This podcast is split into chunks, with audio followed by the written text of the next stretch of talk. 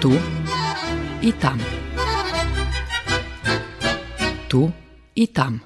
Emisija o Rusnacoh, ktorí žijú vonka zo Srbiji, ich prešlim i buducim živoce, aktualnih zbuvanjoh i međusobnih kontaktoh.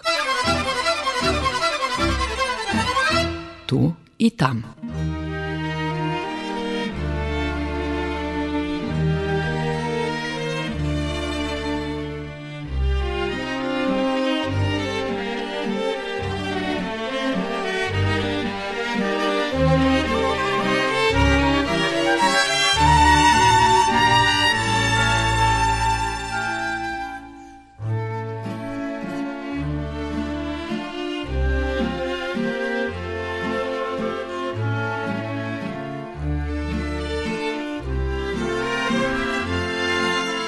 Dobry dzień, poczytowani słuchacze. U dneškajšej emisiji bude slova o međunarodnih naukovih konferencijach o označovanju Dňa Rusnacov u Republike Horvatskej, a dneška emitujeme i prilog pripominka, kotri dostavame u Čeranki zo Rusin FM. Rušime zo muziku.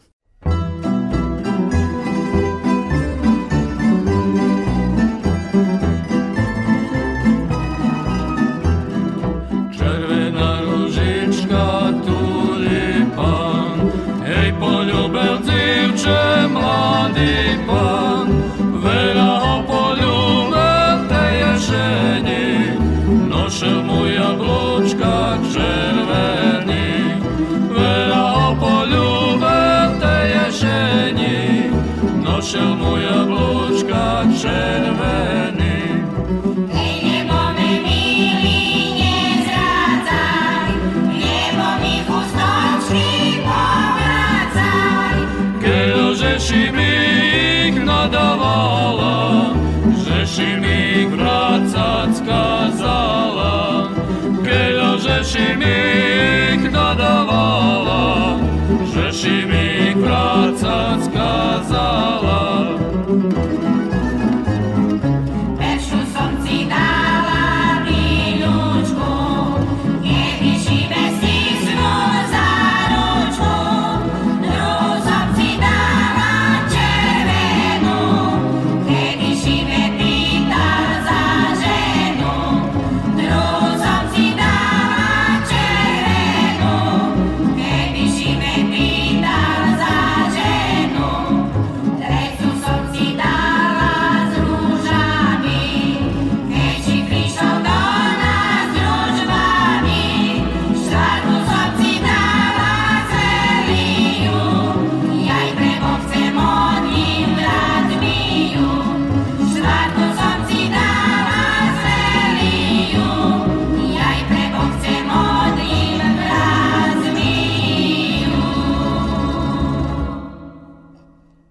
profesor dr. Mihajlo Fejsa u Maju Mešacu uspišno nastupel na dvoh online konferencijoh. U Rostovu na Donu 15. maja otrimana Međunarodna naukovo-praktična konferencija o položenju nacionalnih menšinoh u Ukrajini. Učašniki konferenciji boli zo zvostočnih, centralnih i južnih žemoh Evropi. Glavni organizator bol Centar za društvene i informacijne sotrudnictvo Evropa, a moderator bol direktor centra Eduard Popov. Zo Srbiji učestvoval člen Srpske akademije naukoh i umetnostcov Zoran Milošević i Mihajlo Fejsa, kandidat za člena SANU. Перший бешедував у положенню російської національної меншини в Україні, а другий бешедував у запроваджуванню плана міру у рішуванню проблему русинох українців у Сербії з нагоди 25-річниці його приношення. U Mariboru od 14. po 16. maj otrimana Međunarodna naukova konferencija Vivolanja slavistiki u 21. viku. Na konferenciji učestvovali slavisti iz osceloho šveta, o ruskim jaziku bešedovala ljem profesor dr. Mihajlo Fejsa. Autor robotic patrel sferi funkcionovanja ruskoho jazika u autonomnej pokrajini Vojvodini. Toti sferi po profesorovi, doktorovi Aleksandrovi Duličenkovi. Umetnicka literatura, administracija, nauka, vlasni kulturni instituciji i organizaciji, cerkva, teatralni društva, radiotelevizija, topografski nadpisi i drugi nadpisi i osobna prepiska. Glavni organizator bul Univerzite u Mariboru, a koordinator Gojko Nikolovski spred odzeljenja za slavjanski jaziki i literaturi. Organizatore obidvoh konferencijoh najaveli publikovanje zbornjikov robotoh po konjec 2021. roku.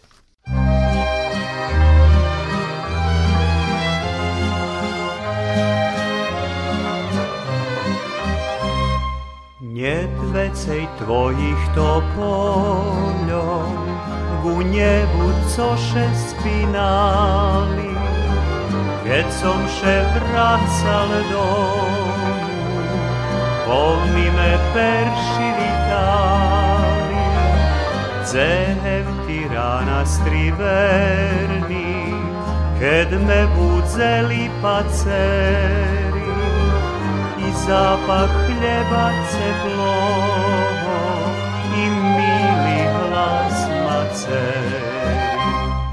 Milý valalu, čúvaš pamiatky mojej prešlosti, tu moja ľubov perša ostala i dní mladosti.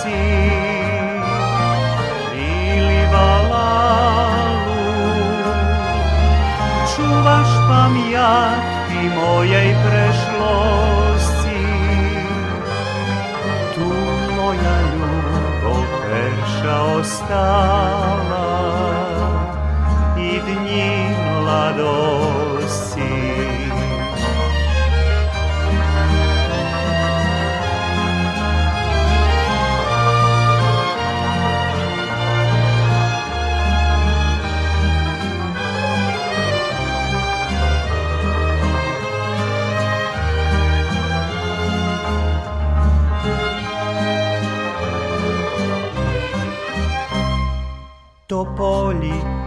Teraz u písňom laskajú chmári bíli, nemíri búca dávny, keď bol som mladý šťastlivý, dok zaše vrácim balálu, poslúchať štyri zvony, Ty v oči mojich kročajov, dlho ty prestrihol.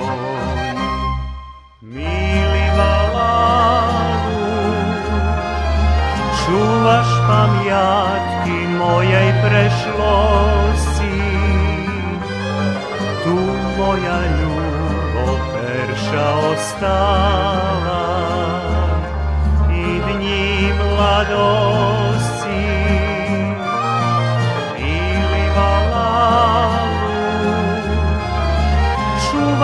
Čúvaš pamiatky mojej prešlosti. Tu moja ljubav perša ostala i dni mladosti.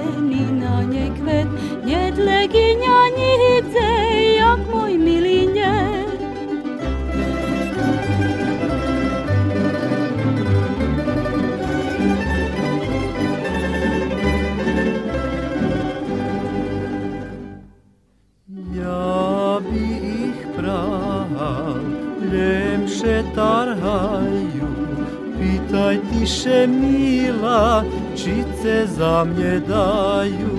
Pachňaca rúža, červený na nej kvet, nedzivočky takej, jak to milanie. Pachňaca rúža, červený na nej kvet, nedzivočky takej, jak to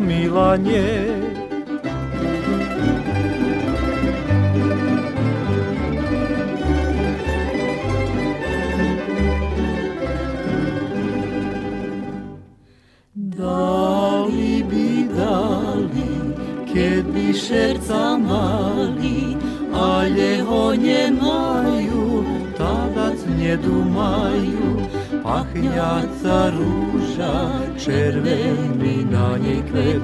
Ej, na taki slova smenjel nam še švet, pahnjaca ruža, červeni na njej kvet. Ej, na taki slova smenjel nám šešvet. U Hrvatskim dome u Vukovare pod okremnima epidemiologijnima mirami 22. maja otrimana Švetočna akademija z nahodi Dňa Rusnacov u Republike Hrvatskej. Prisutnih mohlo buc najvecej podvojo z každej institucije, a na bini nje bilo došle bodzene nastupanje horoh, ponežu u Hrvatskej amaterizem u zavartih prostoroh iščevše nje došle bodzeni. Prisutnih privitala predsjedateljka Sojuzu Rusinoh Republike Hrvatske Dubravka Rašljanin i predsjedatelj radi Ruske nacionalne imenšini Vukovarsko-Srimske županije Jaki Merdelji. A privitni slova i vjenčovanki uputeli i Zvonko Kostelnik u menu Aleksandra Tolnauera, predsjedatelja Sovitu za nacionalni menšini Republike Hrvatske, pročeljnik upravnog odzeljenja za društveni dijalnosti Horodu Vukovaru Dražan Kobašević, jak vladiki Milana Stipića, vladičeski vikar za Slavoniju i Srim, Vladimir Sedlak. O Rusnacoh u Hrvatskej čitali Lesja Mudri po ruski i Tomislav Rac po hrvatski. Na akademiji nastupili recitatore, ktorí recitovali vlasni ljebotvori naših pisateljoh. Ljubica Harahaj, Tomislav Keteleš, Tomislav Rac, Vladimir Dudaš, Zvonimir Barna, a vikšinu na gitari provadzel Ognjen Zdravković. Ruski parast. Ljubim porasta na polju vidic, ko prez poljo vidim i ovo život. Prez ovo život ja vidim i svoj i za tot život mi rikat parastot. Na nohu mu ciravi bočkori, na šivej glavi stari kalak i nigda tot paras nie bol hori, a teraz po starost čustvuje slavost. Solo, dueti, ljebojak trio zjaveliše Mihajlo Holik, Paula Potočki, Veronika Marković i trio Ljubo Koljesar, Nada Bataković i Lesja Modri. Nastupili David Mrdjanov na flauti, a šitski predstavili kulturno-metnjitski društva, u ktorih su členi. Po prišvetočnej akademiji mohlo opatriť výstavu zo zešec prešlih akademijoh, a položeni i venci pri pamjetniku na uljivu Vuki do Dunaju. Švetočna akademija toho roku bila prikazovana i u realnim času prejk Facebook boku Sojuzu Rusinoh Republike Hrvatskej.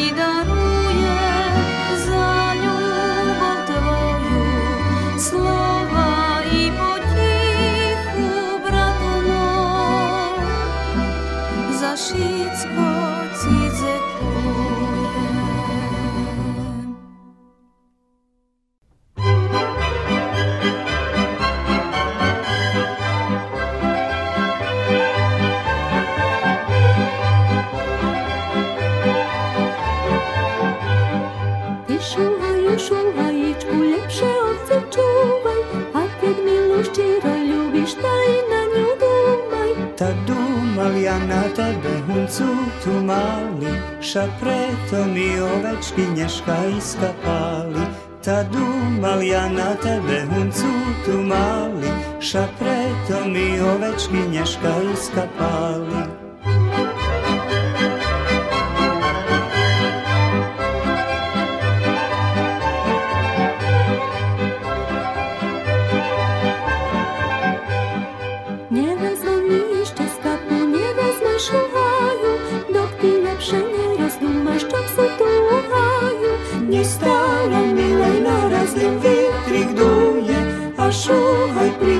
neška iska pali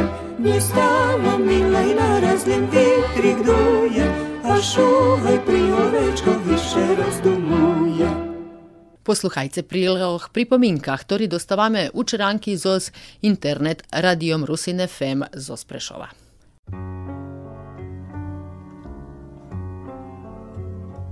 Pripomienka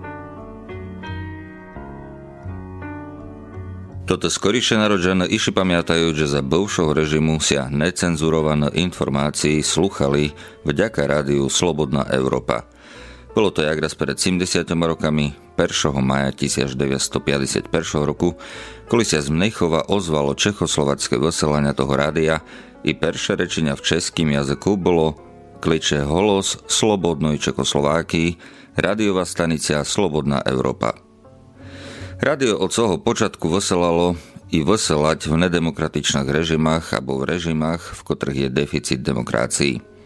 Čechoslovácké vyselania sa po rozdeleniu republiky rozdelilo na vyselania české i vyselania slovacké.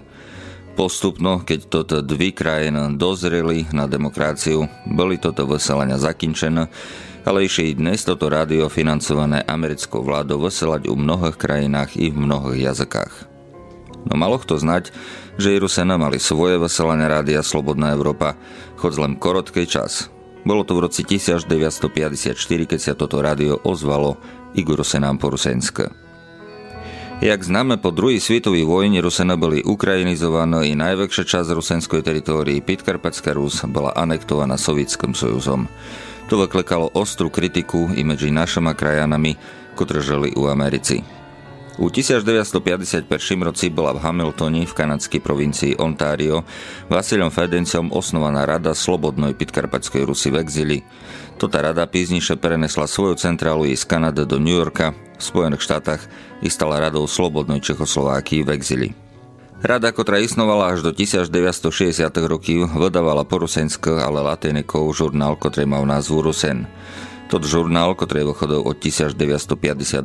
do 1960. roku, ostro kritikoval anexiu Pitkarpaťskej Rusy Sovietským sojuzom, ale i zaboronenia diálnosti grekokatolickej cerkve. Rada pomáhala osnovať centrálny komitét političných byžencí v Nemecku i pomáhala mu v organizácii toho, že by politično byženci holovnou rusenského pochodženia mohli odejť z Nemecka do Spojených štátov Ameriky. No jak raz tota rada začala teskať na radio Slobodná Európa, že by rádio nevoselalo len po Česku i po Slovacku, ale i po Rusensku. Rada celý čas bola toj pozícii, že Rusene sú okremom národom i vystúpala za to, že by Pitkarpatská Rus vernula do skladu Čechoslovákii. I tak u 1954 roci začalo z Mnichova ozývať sa i rusenské veselanie radia Svobodná Európa. Toto veselanie nemalo dlhý život, vetre malo len rik. Ale i tot korotký rik zapísal sa do našej histórii i nikda z nej už neščezne. Radio Slobodná Európa choče po dlhých rokách znova začatý veselatý v Maďarsku. Kto znať, môže raz dočekáme si aj obnovenia toho rusenského veselania. Dovtedy môžeme slúchať i naše rusenské radia, ktoré sme sobi holovno po 1989 roci mohli vybudovať. Šumnej týždeň žečiť Petro Medviť.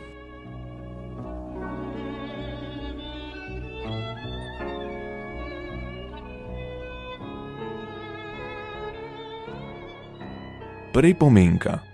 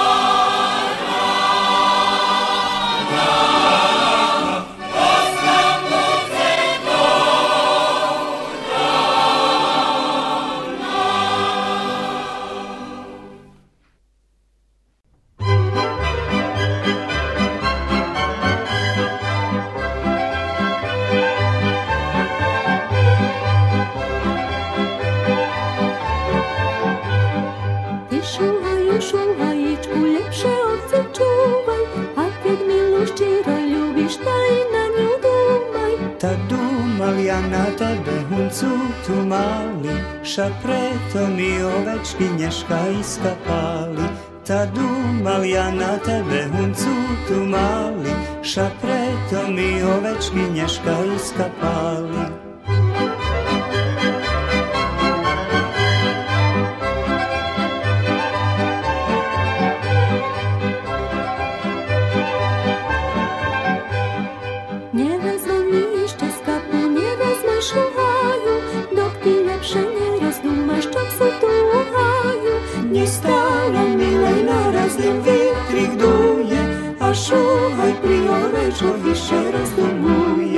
mi stala mila i na razljem vitri gdoje, a šuvaj priorečko više razdumuje.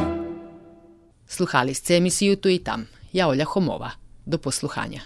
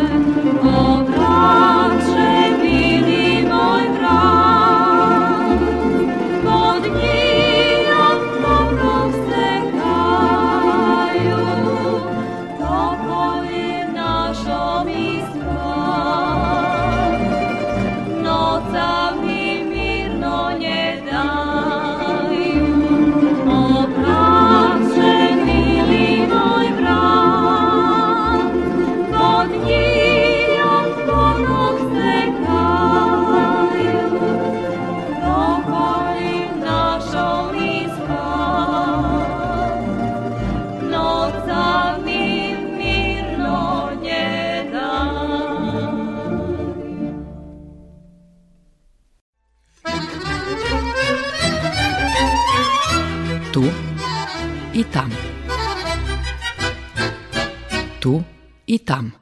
Emisija o Rusnacoh, ktori žijú vonka zo Srbiji, ich prešlim i buducim živoce, aktualnih zbuvanjoh i međusobnih kontaktoh. Tu i tam.